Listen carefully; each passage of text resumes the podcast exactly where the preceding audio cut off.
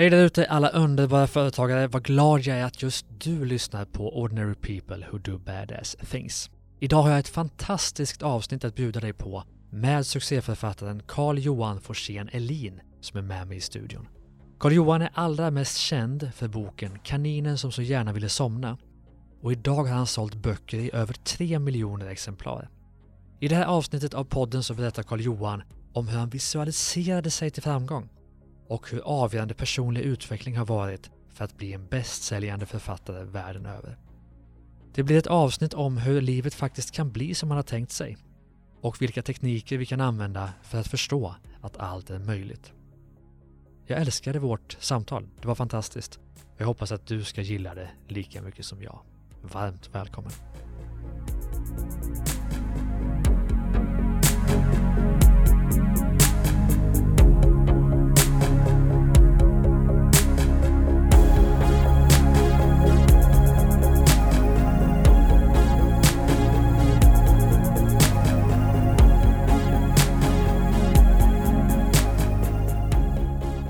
Hej alla härliga lyssnare där ute och välkomna till det nya avsnittet av Ordinary People Who Do Badass Things. Jag vill välkomna Carl Johan Tack så mycket. till studion. Tack, tack. Hur är läget? Jo, tack. Det är helt okej tycker jag. Berätta nu, du har ju skrivit en fantastisk bok. Och Jag glömmer alltid av titeln, jag säger alltid den i fel ordning. Jag vill säga kaninen som inte kunde sova, men det är ju helt fel. Ja, du är ganska nära i alla fall. Ja. Kaninen som så gärna ville somna. Det sjuka var att jag läste på det här innan och ändå inte kan komma ihåg det. Ja. Jag har nästan blivit söv, sövd själv, tänker jag, av den här boken. Det här är Mm. alltså en bok som har blivit en av, kanske en av de största bästsäljarna eh, bland barnböcker senaste åren. En bok som då hjälper barn att, att somna in, visst är det så? Jo, det hjälper dem att slappna av och förhoppningsvis somnar de ju också.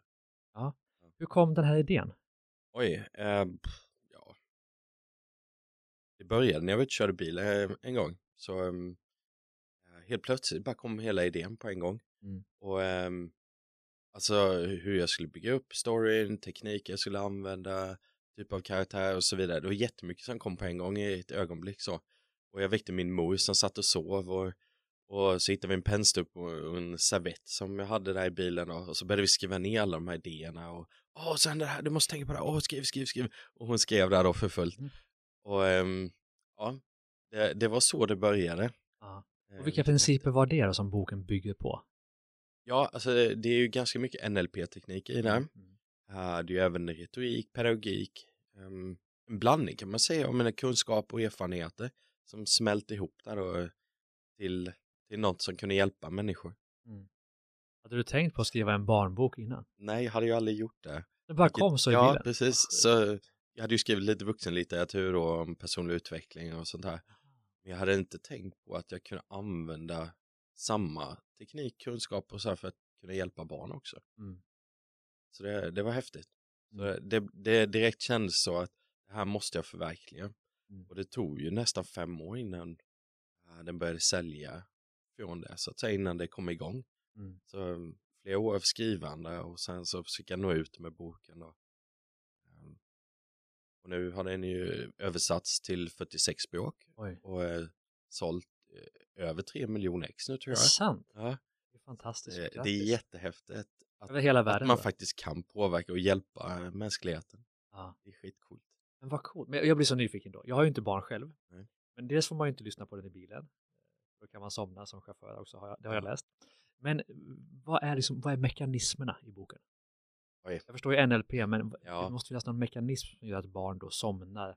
Jag, vet, jag har hört talas om barn som absolut inte vill läsa den här boken. Mm. De vet att de somnar på en gång. Ja, jo men så är det ju. En del genomskådare, en del barn tycker det är bra att de får hjälp. Mm. Eh, för det, det jag försöker göra med den, det är ju um, ge en tydlig målbild, vad som ska uppnås. Så att jag förklarar ju att de kommer bli avslappnade och somna av historien.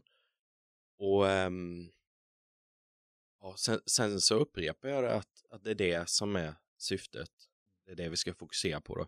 Så att det är ju guida fokuset. Och, och det som var så spännande tycker jag, för egentligen inte det är något konstigt, alltså vi gör ju det vuxna och så här, vi, vi har ett mål med någonting, vi ska uppnå någonting. Men när jag tittade runt lite på bibliotek så vad det fanns för andra godnattsagor och när jag började skriva på den. Och då var det ju jätteoväntat att väldigt många böcker handlade ju om kuddkrig, vill inte somna och så vidare. Så helt plötsligt riktar man ju fokus till lek, till att, att göra något helt annat än det som ska ske då i sängen. Så, ehm, så det, det är liksom en grundgrej. Vad ska vi uppnå? Fokusera på det. Eh, och sen då använder jag ju massa tekniker där då för att uppnå det. Mm. Jag vill laborera med, man kan använda språket olika för att komma dit än också.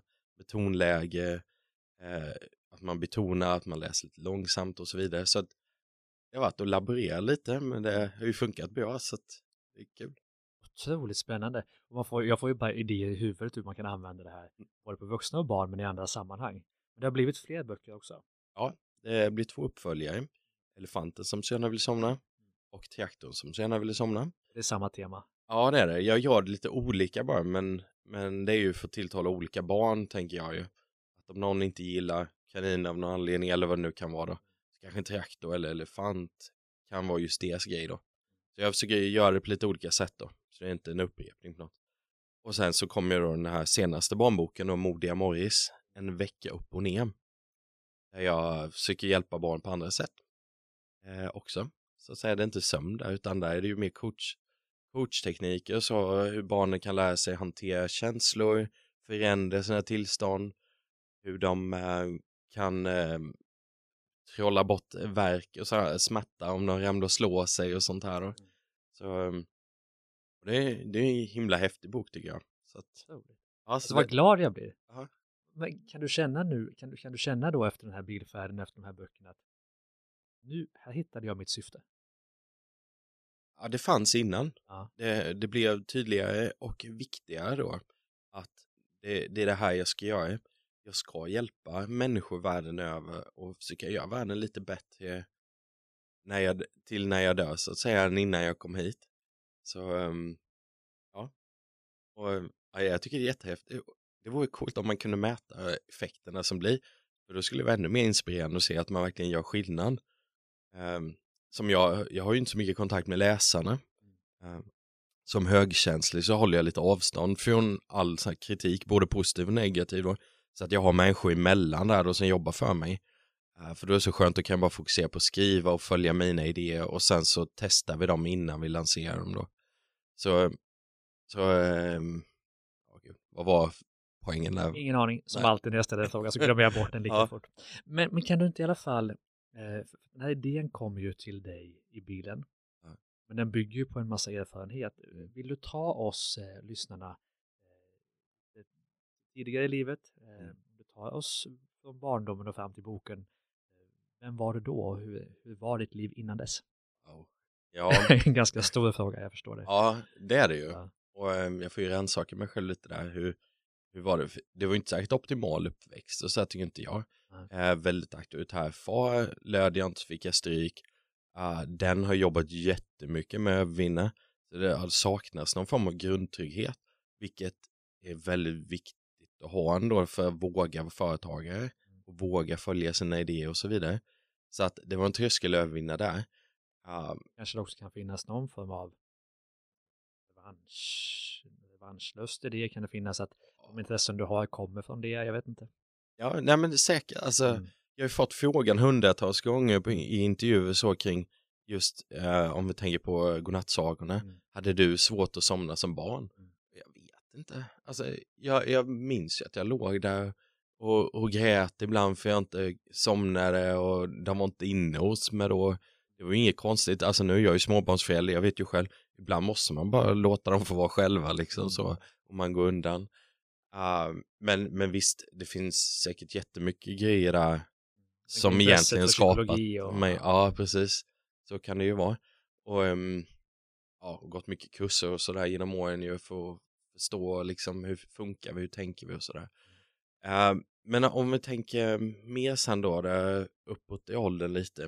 eh, jag tror det var ett ögonblick ändå där jag eh, jobbade på ett bemanningsföretag och var uthyrd så på industrier mestadels var det då. Så stod där och gjorde monotona jobb hela dagarna då. Och då så på ett, ett jobb så träffade jag en kille då som han, han var lite, lite avvikande så på något sätt. Han, han smälte inte in i mängden, han hade höga ambitioner och sånt här. Och så samåkte vi och då slog han på någon CD-skiva tror jag det var om attityd. Han sa, ja ah, det här måste du lyssna på, det här är häftigt. Så, så slår han på det och jag typ, ja men det här var ju lite spännande så här personlig utveckling, vad är det? Så dagen efter då, så kom jag tillbaka till honom och frågade, har du någonting jag kan låna? Så öppnade han sin väska där på den här fabriken, så den var helt full med kassetter och CD-skivor. Uh, ah, ja, och lite böcker sådär också, att han hade med sig där. Och jag bara, wow, det, det var ju sån guldgruva, det var ju värld, ny, helt ny värld som öppnade sig. Vad var det då till exempel? Ja, oh, det, var, det var allt möjligt kring attityd, kring tro att man kan uppnå vad man bestämmer sig för och, och hur, hur vi tänker lite och sådär. Alltså, lite positivt tänkande och sådär som kan vara bra att ha ibland ju. Um, så, så jag började lyssna från morgon till sen kväll varenda dag uh, och var helt tagen. Och att wow, kan man påverka sitt liv så mycket? Mm. Det verkar ju jättehäftigt. Så um, Ja, så, så det var så liksom den resan började. Att, eh, upptäckte personlig utveckling och allt man kan hitta på med det då. Så, um, så ja, jag lånade massor kassetter och skivor av honom, fortsatte med det något år. Sen började jag läsa på högskolan och läste beteendevetare. Tyckte det, det här är ju jättebra, det här måste ju även få en vetenskaplig vinkel på då för att kunna hjälpa människor efter det då. Eh, så då startade jag igång mitt bolag mitt första dag och började coacha och föreläsa och hjälpte chefer mycket med ledarskapsfrågor, hur de kände och upplevde att vara ledare och hur de kunde förändra sig. Så ehm, ja, då var jag inne i det sen. Mm. Det har ju fortsatt sen dess. Vad spännande att ett möte med en person, då killen med väskan, kan leda till i princip, kanske det hade hänt ändå, men till 3 miljoner sålda böcker. Ja, ja visst. Jag tänker att det är kanske bara i början. Vi har väldigt gott om coola bokidéer så ja. att jag är inte färdig. Så, men visst är det häftigt hur ja. små ögonblick förändrar ens liv. Mm. Men sen kom det då efter ett tag en plan på att, eh, att ta det här. Men även innan du fick bokidén så fanns det en plan att nå ut till fler. Mm. Ja, jo men så var det ju. Jag, jag velade ju lite, alltså att sitta och coacha en, en chef, visst, då, rinner lite neråt organisationen, fler påverkas av det. Uh, men att sitta med individer en och en, jag kände ju att det här ger ju inte så stor impact som det skulle kunna göra med böcker. För då kan de ju hjälpa även när jag sover. Vilket jag tyckte att, ja men det är ju mycket bättre. Och, så där, därför började jag lägga om min strategi till mer fokus på böcker. Förverkliga dem jag höll på med och få dem klara och att det blir bra. Um, ja, så, så den, den kommer i rätt tid i kaninboken. Mm. Och sen från idén sa du till att boken blev färdig så tog det fem år. Ja, ungefär det tror jag. Till att den började sälja. Ja, till det började mm. snurra på lite grann. Alltså. Och när du väl hade skrivit den färdigt, och vi kan gå in hur mycket som helst på, på den processen med, men mm. när boken väl var färdig började den sälja jättemycket på en gång. Nej, det gick ju jättesegt i två år där innan det hände någonting. Ja. Gjorde det. Och du gjorde ju allt du kunde såklart för att få ut den. Absolut.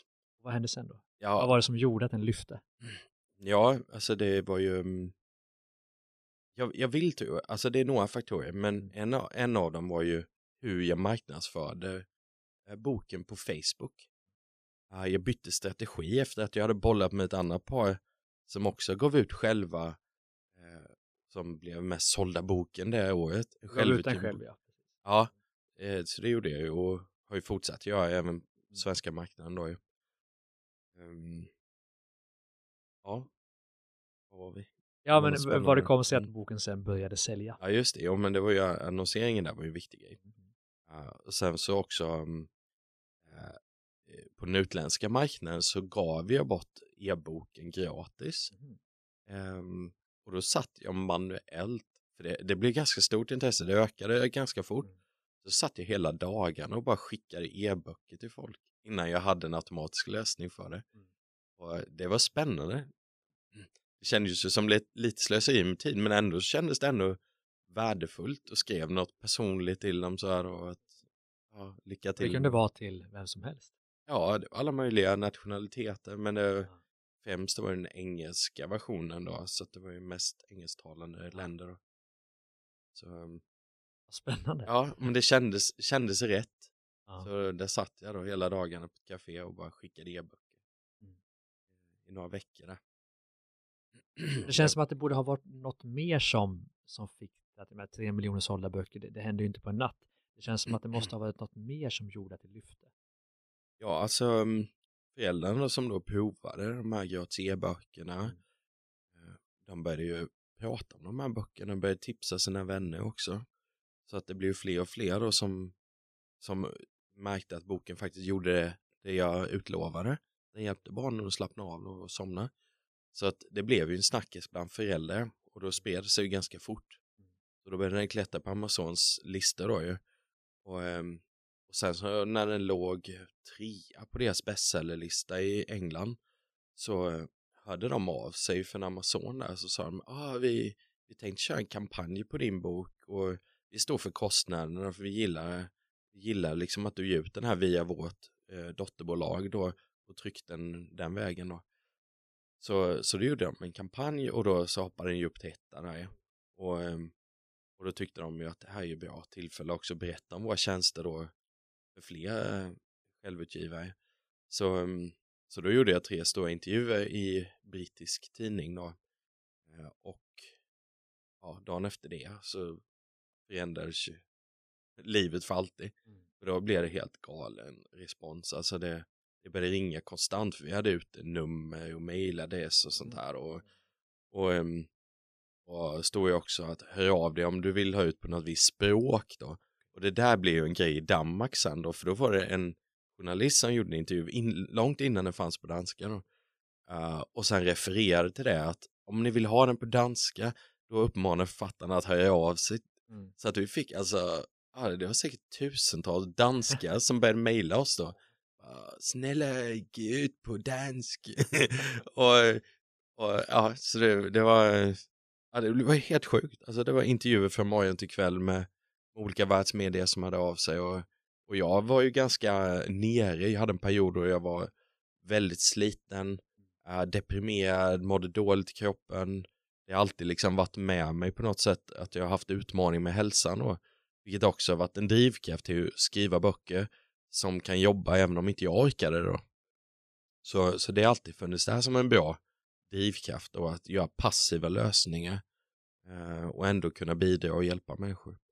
Så, um, så det blev jättestressig period och den fortsatte eh, ett par år.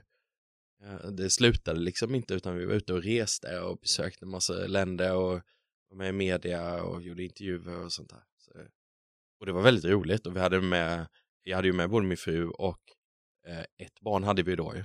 Så han var ju med på de flesta resorna. Sen nu på senare tid när vi har två barn så är ju båda med också då, så att det blir som ett familjeprojekt, åka runt och göra PR.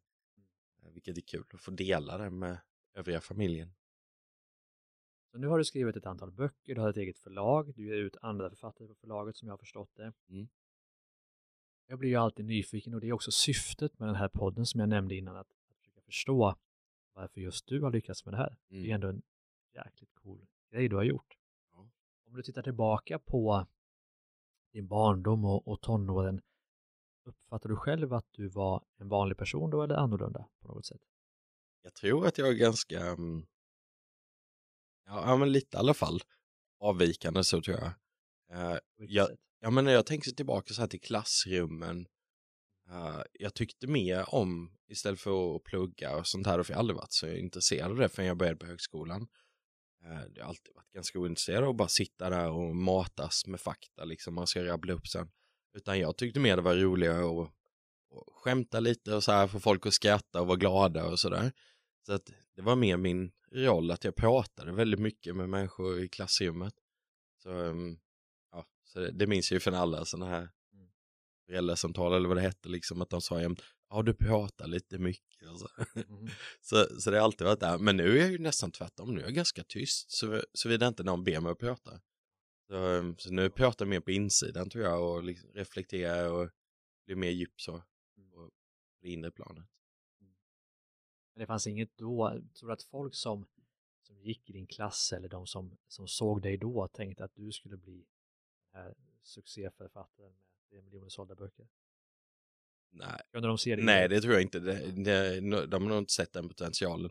Och det har jag inte själv heller gjort. Mm. Alltså, tycker fortfarande så här, det är väl inget märkvärdigt det jag gör. Det kan vem som helst göra. Det det Men som är någonting är det ju där. Det finns ju någonting där och det är det jag är så nyfiken på. Alltså, om du bara fick välja en eller två saker som du tror då är din superkraft som Mm. ingen annan har. Vad är det? Ja, uthållighet har ju varit det viktiga. Och sen så något högre syfte med det jag gör, att det finns ett varför. Och, och det där varför brukar, brukar man ju ha i olika sammanhang med folk som är framgångsrika. Att, att jag har liksom någon anledning, alltså jag vill göra världen bättre. Och, och det då övertrumfade ju att jag inte mådde bra i faser där då eh, när jag höll på och skulle få ut kaninboken. Trots att jag inte mådde bra så gjorde jag ett litet steg varje dag och bara fortsatte år efter år, något litet steg. För att det var viktigt att bryta igenom med boken. Så um, att det, det skulle kunna hjälpa många. Så, um, så det var bara att köra på helt enkelt. Mm. Det, det skulle kunna vara en superkraft, att jag inte ger upp. Jag bestämmer för någonting så kör jag på det. Till det Mm. Men kan, genom men kan du ärligt säga, men du säger att jag har bestämt mig för någonting, men det du har gjort, du menar alltså att du, hade planen på att göra det du har gjort från början? Ja, det, den kom samtidigt i bilen där. Ja. Att- Det är ganska ovanligt upplever jag. Många har ju en vilja att köra igång och sen blir det på något helt annat sätt. Ja. Det har alltså blivit nästan exakt som du tänkte. Ja, du vet när jag satt där och funderade på den här eh, boken, hur den skulle bli och hur det skulle nå ut, då såg jag filmer i huvudet från olika platser i världen. Till exempel Mexikos förort vet jag, det brukade vara något sånt där, jag har aldrig varit där. Men, men alltså jag försökte föreställa mig hur det såg ut där, där de sitter och läser den här boken för att hjälpa sitt barn att somna. Sen var det en helt annan del av världen också, så här, det jag såg filmer i huvudet att, att det här kommer ske när det är färdigt. Mm. Och det är ju svinkult att det gör det nu. Så, så visst, kanske det är så att det blir som man tänker ibland. Mm. Och då blir jag ju nyfiken på vilka filmer ser du i huvudet nu? Ja, jag har två stycken, men de är kortsiktiga nu då, som spelas i mitt huvud. Ehm, som berör min hälsa då, för att det är en ny svacka nu då. Jag har haft jättestress då, som jag nämnde i flera år. Och det är först nu som jag kan stanna upp och andas ut. Nu har vi fått till det systemet med bokförlaget. Jag behöver inte aktivt vara där varje dag. De klarar sig jättebra utan mig. Eh, vi har några bolag till då som också funkar bra utan mig och min fru nu då, så vi båda kan stanna upp, vi kan eh, fundera på vad vi vill göra härnäst då med bolagen och, och med böcker och så vidare. Och ehm, ja, så, så, så det är väldigt mycket återhämtning för mig, för mig just nu då i fokus. Ehm, och jag- den här gången stannade jag i tid och som tur var innan jag blev allt för utbränd så att säga då. Så att, så att ja, ja, ja, så filmerna som spelas nu, eh, en är om ungefär med en och en halv månad, då jag ser mig må väldigt mycket bättre med hälsan. Hur jag har fått tillbaka gnistan, om man säger så, i livet då. Eh, jag ska inte säga studsa fram, för, för det gör jag ju inte, men, men eh, just den gnistan liksom eh, ser jag då att det här kommer hända, vilket är jättekult, så den ser jag fram emot. Eh, och jag märker att det går steg framåt åt det hållet och jag gör aktiva handlingar också för att komma närmare. Men det är så coolt att se att ja, men det är det jag kommer uppnå där, vilket är eh, jättemotiverande. Eh, sen så har jag en annan film som handlar om våren nästa år. Då har det ju gått lite längre så då har jag kommit igång med träningen också, då tillåter kroppen det. Och, och då har jag börjat komma ganska bra i form och så här och, och ja, det, hälsan tar en nästa nivå upp då, vilket är jättekult. Hälsan i fokus. Ja, det är det Det finns det verkligen. också en långsiktig film om nästa bok eller ännu mer framgång eller 10 miljoner sålda böcker, inte vet jag. Det är inte så många sådana, alltså um, antal. Eh, Det, det är inte så mycket sånt som snurrar i huvudet just nu. Det är väldigt mycket hälsan så, men, men sen så finns det ju generella grejer om livsmål och sådana här stora, vad är vi om 10 år, 20 år och sånt här. Men ehm, eh, då är det kopplat till annat, då är det en vingård i Frankrike och sånt här vi bor på då och har några gästrum och skrivandet är inte så stor del längre då, utan jag har fått ur med alla, för jag har ju en lång lista i huvudet med böcker som jag ska förverkliga. jag har ju skrivit ner och sådär så det är inte så att jag går och bara håller dem i huvudet, men som vill komma ut, de ligger där och väntar. Uh, som också kommer hjälpa mig inom olika områden. Och, uh, så det ska bli kul att förverkliga dem. Skriver du på något sätt? Du har varit inne på, um, på hälsan och att det är ganska lätt för att uh, ta ut dig själv kan man säga. Är skrivandet någon form av terapi eller för att hjälpa dig själv också? Nej, det tror jag inte. Nej. Det känns inte så. men inte. tillbaka i alla fall till den frågan egentligen. Att, det, att vi pratade om det innan också, att det är lätt som företagare, som författare, som ambitiös människa att, att vara nära den där kanten, den mm. där väggen. Och jag upplever ju i det du har sagt att du har lätt att köra på tills du kommer dit. Har du lärt dig någonting som andra kan ta del av hur man undviker den? Ja, alltså det, det är ju att ha den här balansen, alltså för återhämtning. Mm. Alltså, det är en sak att stressa ganska mycket för man ska uppnå någonting. Men att då stanna upp och, och börja återhämta sig innan man springer på nästa boll då. Det är någonting jag själv tränar på så det är lätt att prata om det då. Uh, så det vill jag bli bättre på. Jag, jag anstränger mig verkligen nu att göra så lite jag bara kan på dagarna. Uh, vilket är lite stressigt i sig som entreprenör. Mm. Alltså det är ju kul att skapa och göra grejer. Det är det jag brinner för. Samtidigt får jag respektera vad kroppen säger nu då. Den måste jag lyssna på. Det är viktigt.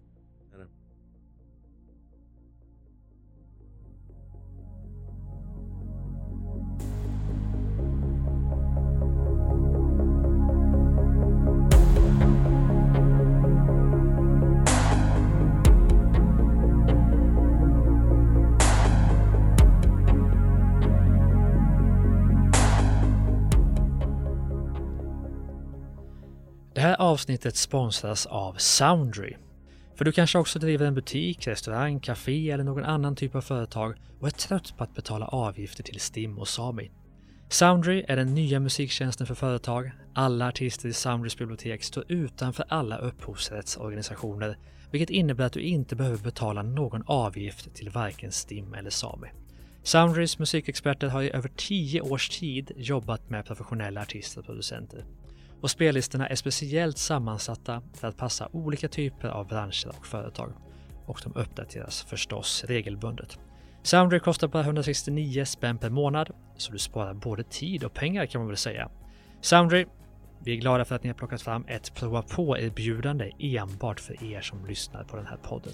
Gå in på soundry.com podd. Det är alltså Sune, Ola, Uno, Niklas, David, Rickard, Yngve.com, soundry.com podd och signa upp så får ni en hel månad med gratis musik.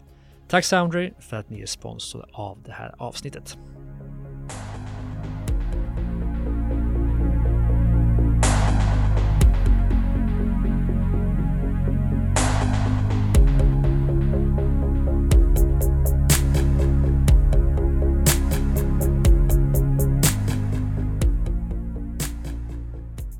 Jag blir ofta nyfiken lyckas väl med det de gör.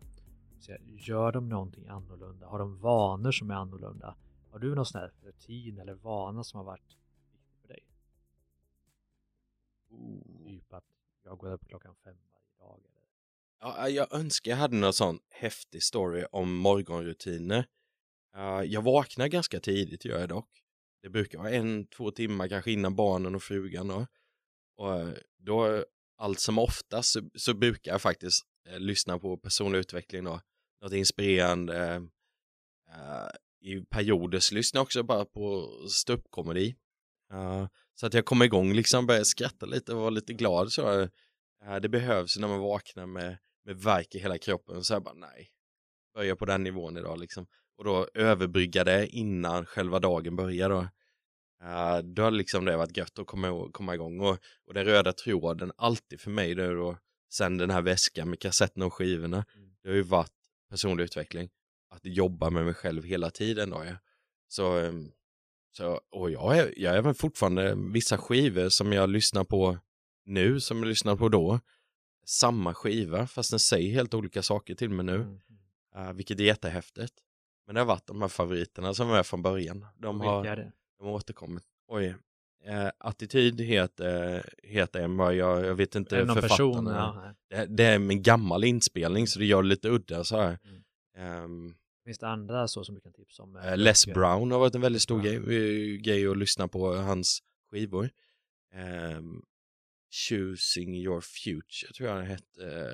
Eh, en skivsamling där, den har varit fantastiskt bra tycker jag. Eh, sen lustigt nog, alltså för det är ju olika vad man kommer igång på för inspiratörer så ju. För han, han är ju mycket där för motivation då.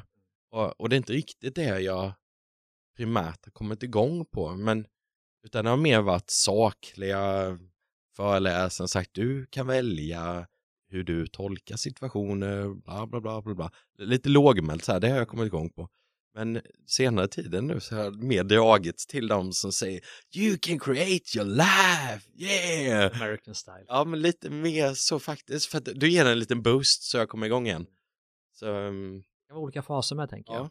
Mm. men jag tror det. Men hur, hur viktig då för din framgång har intresset för personlig utveckling varit? Hur viktigt det har varit. Ja. Alltså det är ju A och O, det är, det är ju, utan det hade det inte blivit några bra överhuvudtaget. Då hade jag inte ens kommit dit jag har idag. Mm. Eh, jag, jag har re- reflekterat mycket kring den frågan Mm. och tänkt på det här med vad hade hänt när, när man hamnar i rampljuset om man inte jobbat med sig själv först. Eh, för jag tycker ju, och, och det är ju det jag får också när jag frågar vänner och så runt omkring mig, att jag är samma människa nu som innan hela världssuccén, åka världen runt och prata liksom Mm. I alla möjliga såna BBC och vad det allt heter då liksom som jag varit. Ehm, så att det är liksom bara en kul grej att uppleva så. så det blir, blir liksom inte något som gör att jag tappar fotfäste eller något sånt utan jag, jag har varit densamma och det är ju för att jag hittade mig själv innan. Mm. Så att jag visste liksom vem är jag, vad vill jag, varför finns jag? Och ehm, ja, då blir Du allt samma mycket lättare. varför, samma varför som innan. Ja, det är jag precis skulle samma. ändå gissa, alltså, jag skulle gärna vilja säga emot det utan att veta. Okej, Att du spännande. rimligtvis måste ha förändrat dig en hel del. Både med, med den framgång som har kommit, men också att du måste ha gjort enormt mycket lärdomar som har förändrat dig. Ja, Jag vet inte. ja, jag tror, ja, jag vet, ja, ja. Jag, jag kan inte peka på någon nu så här. Kan du Eh, inte känna att, att du har tagit dig själv i någon riktning sen det börjar hända saker? Jag vet inte, alltså för jag tror den stora grejen är ju att jag förbereder mig innan.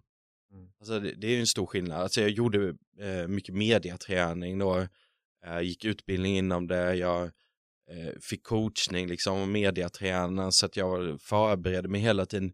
Jag, jag såg ju vad som skulle hända, så när det väl hände då var det ju inte så stort. Alltså fattar du? Eh, så målbilder är ju icke att förringa så att säga, det, det förbereder ju psyket innan. Eh, så att jag, det, det blir ju li, lite lärdomar i början och så men eh, kring ehm, för det var jättespännande tycker jag. Om du vill höra en anekdot. Från ehm, min allra, nej det var inte allra första egentligen, men för, första större tv-intervjun i Sverige. Jag var med i Nyhetsmorgon. Och det var när kaninboken var helt ny. Och av någon anledning så var man kanske mer frikostig då med tiden eller så. Men jag var med typ 40 minuter eller något sånt där i, det inslaget då. Och, och så var det också en barnpsykolog inbjuden. Och då så dök hon upp där i green room och hon var jättenegativ till hela bokidén. Och jag visste inte varför. Alltså det var ju främmande för det hade jag inte stött på. Eh, jag menar att jag hade rannsakat alla argument som kan komma, man kan tycka saker om boken och sådär. Att det manipulerar barnen och sådär. Men, men jag hade ju tänkt igenom alla de grejerna innan. Eh, men hon, hon stövlade in jättenegativ och vi går in i tv-studion och jag eh, blir lite nervös och hon, eh, ja, hon sitter där ganska tjurig då. Så när de börjar räkna ner så här 10-9 innan sändning, för det var ju live det här. Och då frågar jag henne, du, kommer du säga någonting positivt om boken? Ja, vi får väl se det. Så hon, och, och då kände jag bara, ah, det här kan ju bli lite jobbigt. Mm. Ehm, så ehm, så hon, hon var ju jättenegativ i 40 minuter. Uh, programledarna var jättepositiva för de hade testat på sina barn och de somnade och de var överlyckliga. Det var därför de bjöd in mig. Så, ehm, så, så de eh, försvarade boken. Bara, ah, men spelar någon roll och boken fungerar ju och det är ju det viktiga och, och sådär då. Och då, då blev jag lite så här, um, avskrämd från att vara med i svensk media då, eh, tv då. Så då tackade jag ju nej till det några år sedan när jag väl fick några förfrågningar så. För det var ju jätteseg start var det, det hände inte så mycket. Um, men nu har det ju blivit flera hundra intervjuer senare så att nu, nu är inte det liksom ett problem längre så. Så jag har ju blivit mer erfarenhet eh, med tiden har det blivit ju. Så, så, så visst har det varit gott med utmaningar också så som jag kanske har lärt mig att tackla liksom så ändå. Men vi är ju inne på, eh, dels uppfattar jag att, att visualisering är din, din huvudstrategi. Visst är det lite så? Och jag tycker inte jag är visuell. Nej. Det är det som är så spännande, ja. inte med det yttre, men på insidan, så man mm. kan ha olika. Mm, vad spännande. Men vad, en fråga som jag ofta ställer, det är ju, vad tror du på som andra människor inte verkar tro på? Och det finns en del godbitar där tror jag. Men ähm, ja, alltså det här med att allt är möjligt, liksom märker jag ju ofta i, bland entreprenörer då som lyckas, som jag träffar och så, då pratar man ju aldrig om, ah, kan jag gå det här, utan man bara, ja ah, men det är klart man kan uppnå och, och göra saker som man ställer in sig på liksom. Vilket är jättehäftigt. Så, så det, det har varit väldigt starkt hos mig att, att, att eh, vill, vilja något så, så tror jag verkligen att det går så att säga och då jobbar jag för det. Det finns ju inte då att jag börjar tvivla och ge upp och sånt här då om, om, om det är något viktigt så att säga. Sen så eh, en annan sån där grej som jag tror kan skilja lite kanske entreprenörer emellan. Äh, jag lägger väldigt stor tillit till min intuition. Äh, om jag får till mig saker och får för mig saker och att det där ska jag göra, då följer jag det fullt ut då och då blir det bra. Så, sen var det kommer ifrån, det kan vara en annan diskussion. Mm. Spännande och säkert en hel del lärdomar från. Till sig den här typen av tekniker. Mm. Som jag själv också är väldigt nyfiken på. Men, men tvärtom då, vad, vad verkar andra i världen som du möter tro på som inte du håller med om? Oj. Um, det skulle väl kunna vara en grej så här liksom att, att man um, ger upp för man säger nej det var inte meningen. Eller något sånt där. Um, skulle kunna Vi, kan vända lite, ja, fortsätt. Ja, ja, men jag tänker på det här med religion jag är ju inte religiöst bunden i min tanke så, utan jag är ganska öppen och, och ta in liksom, jag är genuint nyfiken så jag vill, vill förstå saker och jag vill ta in det och ja, så det finns, egentligen finns det inte så himla mycket svart och vitt i min värld. Att finns det, fanns det en Jesus eller inte eller vad det kan vara utan vad, ja, ja, gud, det är jättespännande filosofiska tankar som snurrar i mitt huvud. Mm kring livet och jag tror att det har hjälpt mycket. Att det finns inte bara en sanning utan det finns oändligt många sanningar. Mm. Vi var inne på det när vi spelade in en podd eh, tidigare idag att, att vi i Sverige är ganska dåliga på att tro på saker. Mm. Alltså I USA, vi båda varit där mycket tänker jag och eh, där tror man så mycket både på Gud och på annat. Och i ja. Sverige är det nästan fult att, att tro på saker. Ja. Jag upplever att de som, som lyckas väl, de, de tror på någonting. Mm. Det behöver inte vara Gud, men mm. det är någonting. Mm. Håller du med? min iakttagelse. Mm. Ja, ja, man tror på något, ja. Man blir inte bara slätstruken så. Um, jag såg ju en sån eh, statistik som var gjord ju, där de jämför olika länder, så jag nyligen, där Sverige var ett jätteextremt land uppe i ett hörn där, att vi är så icke-troende och vi är väldigt öppna. Och det är ju fina grejer också så, det är det som format vårt land så. Uh, sen finns det ju baksidor på allting. Eh, säkerligen. Så då kan det ju vara som du säger att eh, nej men inte ska väl jag, mm. nej, och då det där med jantelag och sånt då ju. Eh, som jag fortfarande har en fot i. Mm. Eh, faktiskt.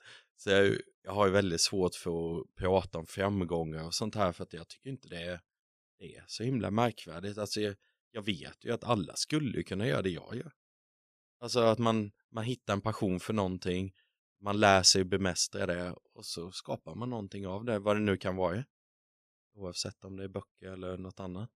Så att det är inte så långt bort som många tror. Det är det som är så spännande och hela syftet med podden, att du har gjort det och andra inte har gjort det. Hos människor som inte har gjort det, ja. det de vill och det de har passion för, vad kan du se hos dem, egenskap eller ett beteende eller en attityd som ofta står emellan dem och det de skulle kunna? Jag tror det är tron på att allt är möjligt, mm. så att säga. Att man, man hittar massa anledningar till att förminska sig så man inte förverkligar det man går drömma om. Mm. Eh, Det är ju jättetragiskt. Det finns hur många som helst som har bokdrömmar. Men de gör aldrig klart böckerna och det kommer aldrig ut. Vilket är jättesynd. För de kanske har jättespännande grejer att berätta.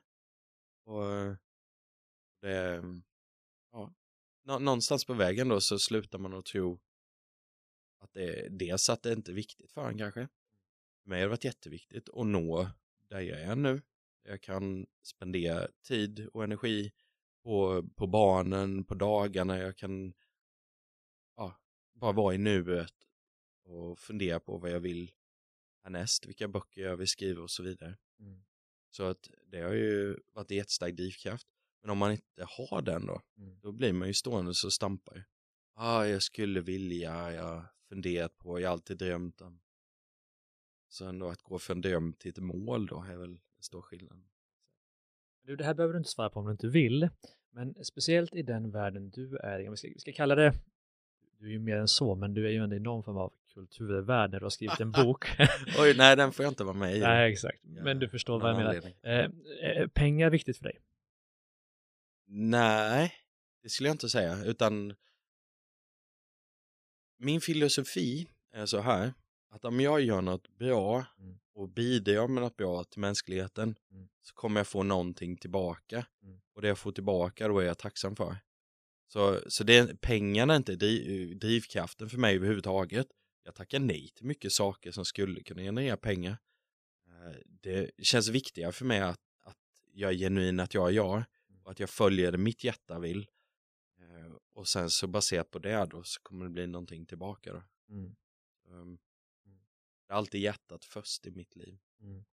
Och jag upplever också att det är väldigt mycket hjärta. Vi pratade om det först förut, att, att tar det så långt att man nästan går in i en vägg. Mm.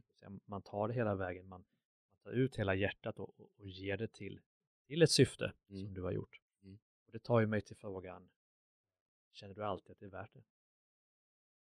Ja, det gör jag. Jag funderade på det idag nämligen att om du skulle fråga så att säga då om eh, efter, efter liksom ha varit utbränd några gånger nu då liksom eller i närheten av det upp och ner och så här då. Om jag fortfarande skulle göra samma resa men fick göra om den. Mm. Och det skulle jag ju. Det är ju så häftiga grejer vi fått uppleva. Och grejer, alltså dörrar som öppnas nu med att kunna ge ut andras böcker som också är väldigt bra då och hjälper inom olika områden. Så att då blir de ju, jag ska inte säga en kopia av mig, så, men alltså vi blir fler då som gör goda intentioner. Mm. Vilket är jättehäftigt för det hade jag inte kunnat uppnå annars. Mm. Det är coolt.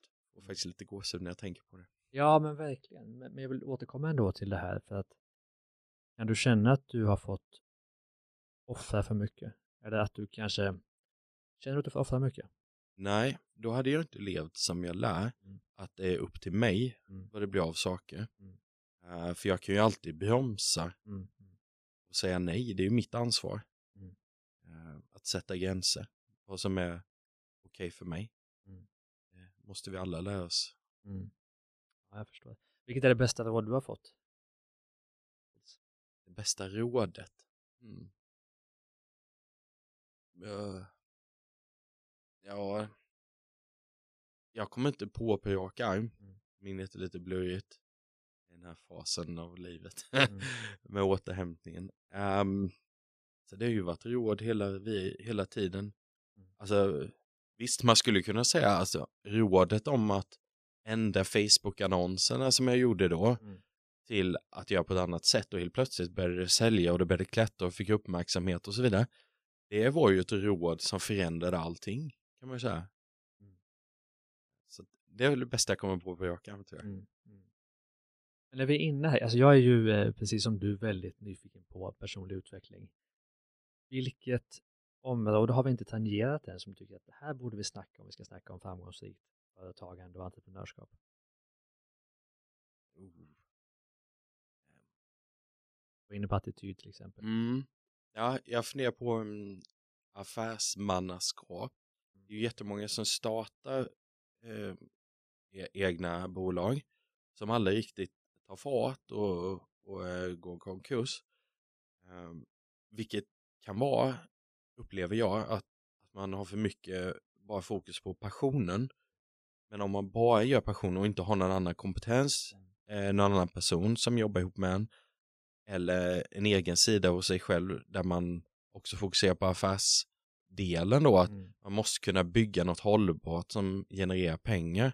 Mm. Uh, det skulle jag säga är en stor grej, för, för det är många som går runt med idéer, oh, jag skulle vilja starta bolag och sälja mina krukor jag målar och, och, jag skulle vilja sluta på mitt jobb eller gå ner i jobb och arbetstid och sånt där. Och det, det är ganska stor resa då att göra det. Mm. Um, så att jag har haft turen skulle jag säga att jag har en kombo av kreativitet, stort hjärta och uh, affärskänslan ändå att, mm. att få bolag att ta fart så och växa. Um, så att det är en väldigt viktig bit tycker jag mm. i företagandet. Att man inte förringar den. Det finns ju en skillnad, eh, snackar jag alltid om, mellan företagande och entreprenörskap. Det vill säga att företagare upplever jag är de som, som är tiden medan entreprenören bygger klockan, det vill säga bygger systemen. Mm. Och det är ju där du är lite nu, att du ska bygga system som andra kan frodas i på samma sätt mm. som dig.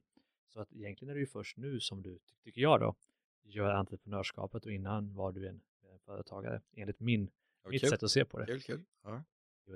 Jag ska bli en entreprenör nu. Nu ska du bli en entreprenör. Eh, verkligen, verkligen.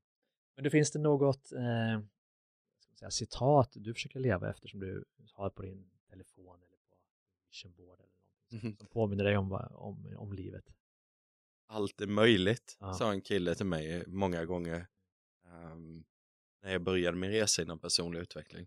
Jag käkade lunch med idag förresten. Jag glömde att mm. tacka honom igen då, för det är bra att göra det ibland. Och att det faktiskt hade en stor påverkan på mig. Mm. Allt är möjligt. Uh, för det var ju det skedet då jag började se målbild av vad jag skulle uppnå då med kunna köpa något boende utomlands och sånt där. Mm. Och sen, sen tycker jag, jag, jag tycker det var en jättehäftig känsla när jag sen stod där och många år senare och hade köpt den här lägenheten i Spanien då som vi hade eller jag hade föreställt mig mm. och uh, vi hade pratat med fru och jag bara, åh gud vad häftigt det skulle vara penthouse med utsikt över havet. Tänk vad coolt det skulle vara. Och sen så står jag där uppe och försöker grilla korv eller vad det var, kött, vad det var. Och det blåste jättemycket från havet så det gick inte så bra. Men då, då stannade jag upp där och började skratta för mig själv. Bara, Shit, han hade ju rätt Marcus, allt är möjligt. Så jag messar honom då att shit, alltså det här sa ju du till mig och så föreställer jag mig detta och nu har jag uppnått det. Jättekul. Så nu kan jag liksom åka iväg och på vintern och så här för min kropp mår bättre av att vara i varmare klimat och sånt där. Nu liksom kan jag göra det då.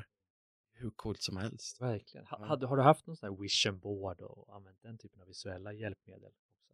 Ja, till och från. Ja. ja. men jag vet inte, alltså jag har blivit så himla intern eller medveten om mina tankar eller vad mm. någonting är det som skiftar så att jag har dem liksom i huvudet nu, jag behöver inte ha dem ute. Jag ser det på insidan då, vad det är jag siktar på. Är det genom meditation eller hur jobbar du där? Ja, det har ju varit mycket sånt ja. också och olika kurser, intuition och allt sån här mental träning och sånt här. Ja. Jag tror det är det. Så, um, så jag brukar inte sätta upp några bilder. Uh, brukar jag inte längre. Mm, vad spännande. Och det är det jag tänker, som jag var lite inne på innan, att du har nog kanske förändrats. Jo, så är alla. Jo, alla jo men säk säkert så. Ja. Att jag på något sätt blivit så blind av det. Sen, sen behöver inte det vara kopplat till um, bokframgångar utan ju snarare en fortsatt personlig utveckling. Jag jobbar med konstant då ju. Uh, och då är det klart man blir bättre på någonting. Mm.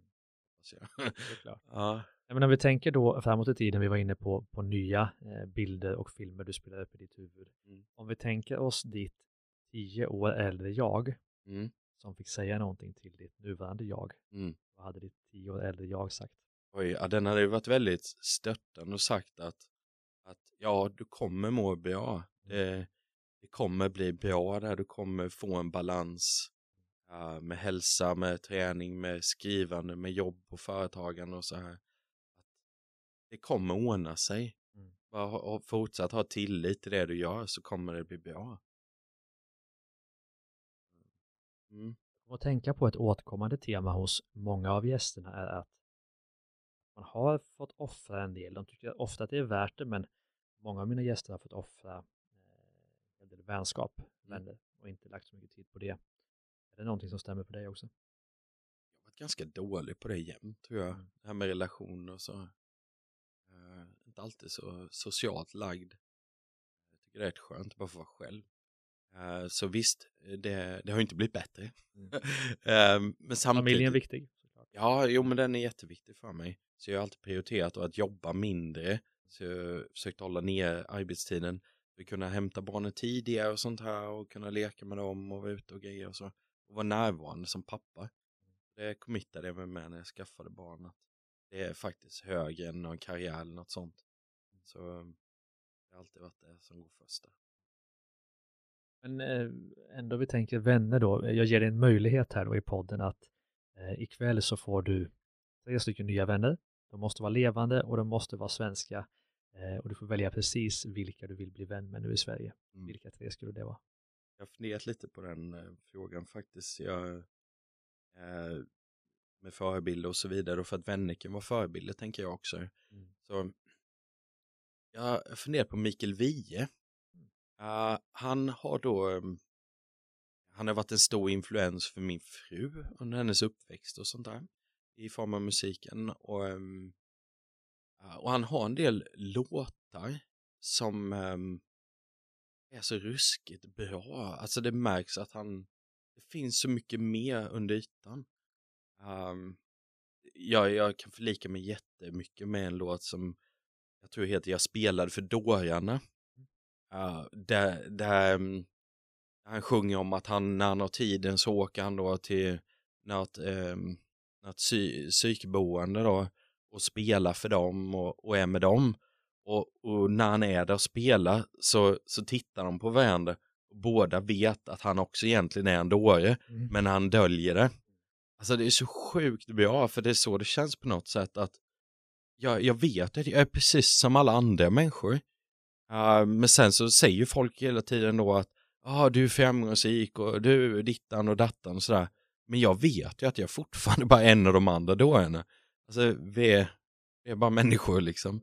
Uh, så, så det skulle vara så cool. Och jag, jag träffade honom en gång på TV4. Um, men jag lyckades inte förmedla tillräckligt mycket då vad jag tyckte och tänkte om hans sånger. Så här, det, jag blev lite starstruck tror jag. Mm. Det var lite spännande. Så. Men så, så han har ju ett otroligt djup i sig som jag skulle vilja utforska mer. Um, man aldrig här möjligheten kommer, förmodligen inte, men man vet inte. Uh, så, så, Mikael Wiehe, om du lyssnar på podden så Ja, hör av dig till Carl-Johan. Uh, sen, sen så tycker jag det, um, det lilla jag tittar på tv, um, så har jag då sett en del program där som varit väldigt inspirerande med de som är programledare. Och då, då är det ju paret Strömstedt, Mm. när de åker och pratar om eh, relationer och sånt här då med andra människor. Eh, vilket är jätteinspirerande för att det jag gillar med det här eh, paret Strömstedt där då är ju att de är äkta och öppna med sina brister. Alltså jag tycker det är fantastiskt att ha med sådana vänner runt mig.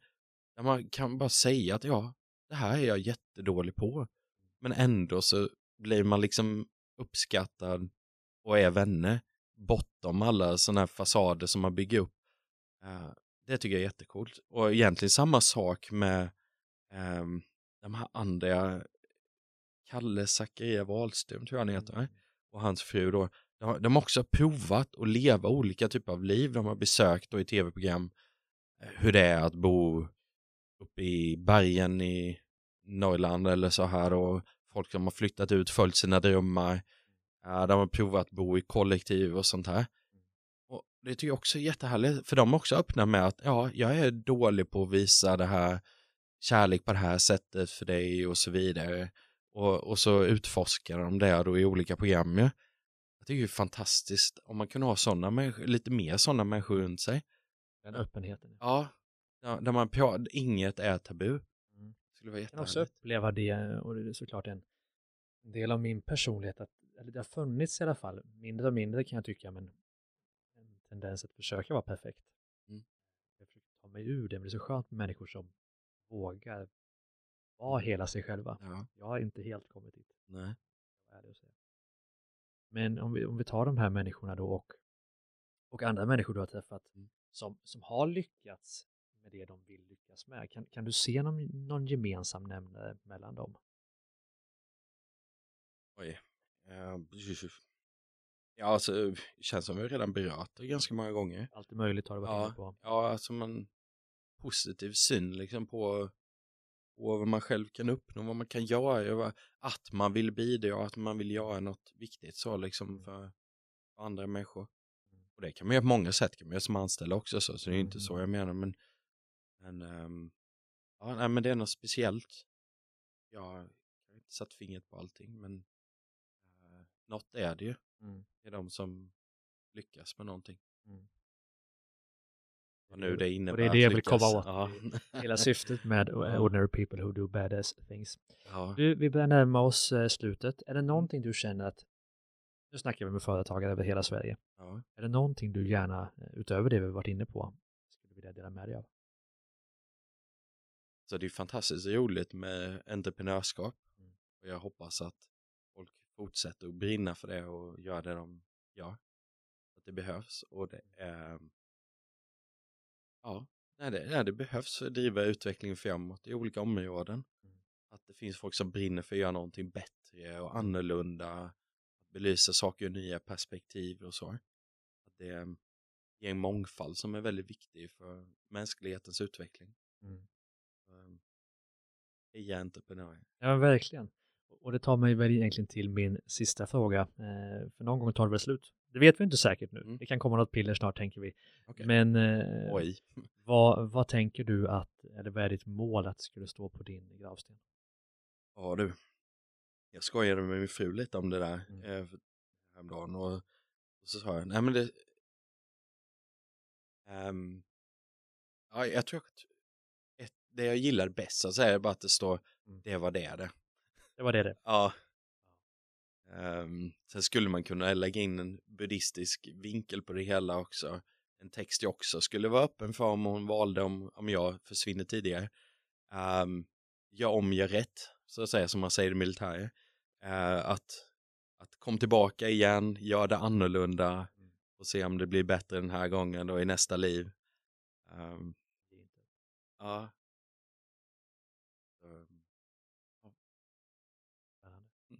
Jag har verkligen njutit av att få ha dig eh, som gäst, Carl-Johan.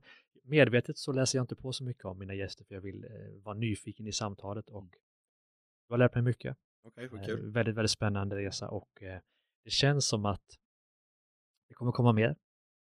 Och det är inte omöjligt tänker jag att jag får bjuda in dig som gäst igen. När du har sett lite nya bilder på nya spännande saker i framtiden. Så att stort tack för att jag fick ha dig som gäst. Ja, tack för den här gången då. Härligt, tack så mycket. Mina vänner, det var ett fantastiskt avsnitt tillsammans med Carl-Johan. Jag hoppas att ni har gillat det lika mycket som jag har.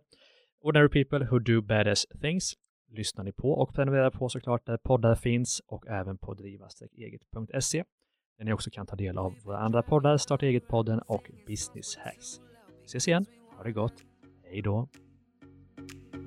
Picking up our love friends, fill up the car because we wanna, we wanna, Trunk's full of wine, we're gonna stay up, the time of our lives. The night is in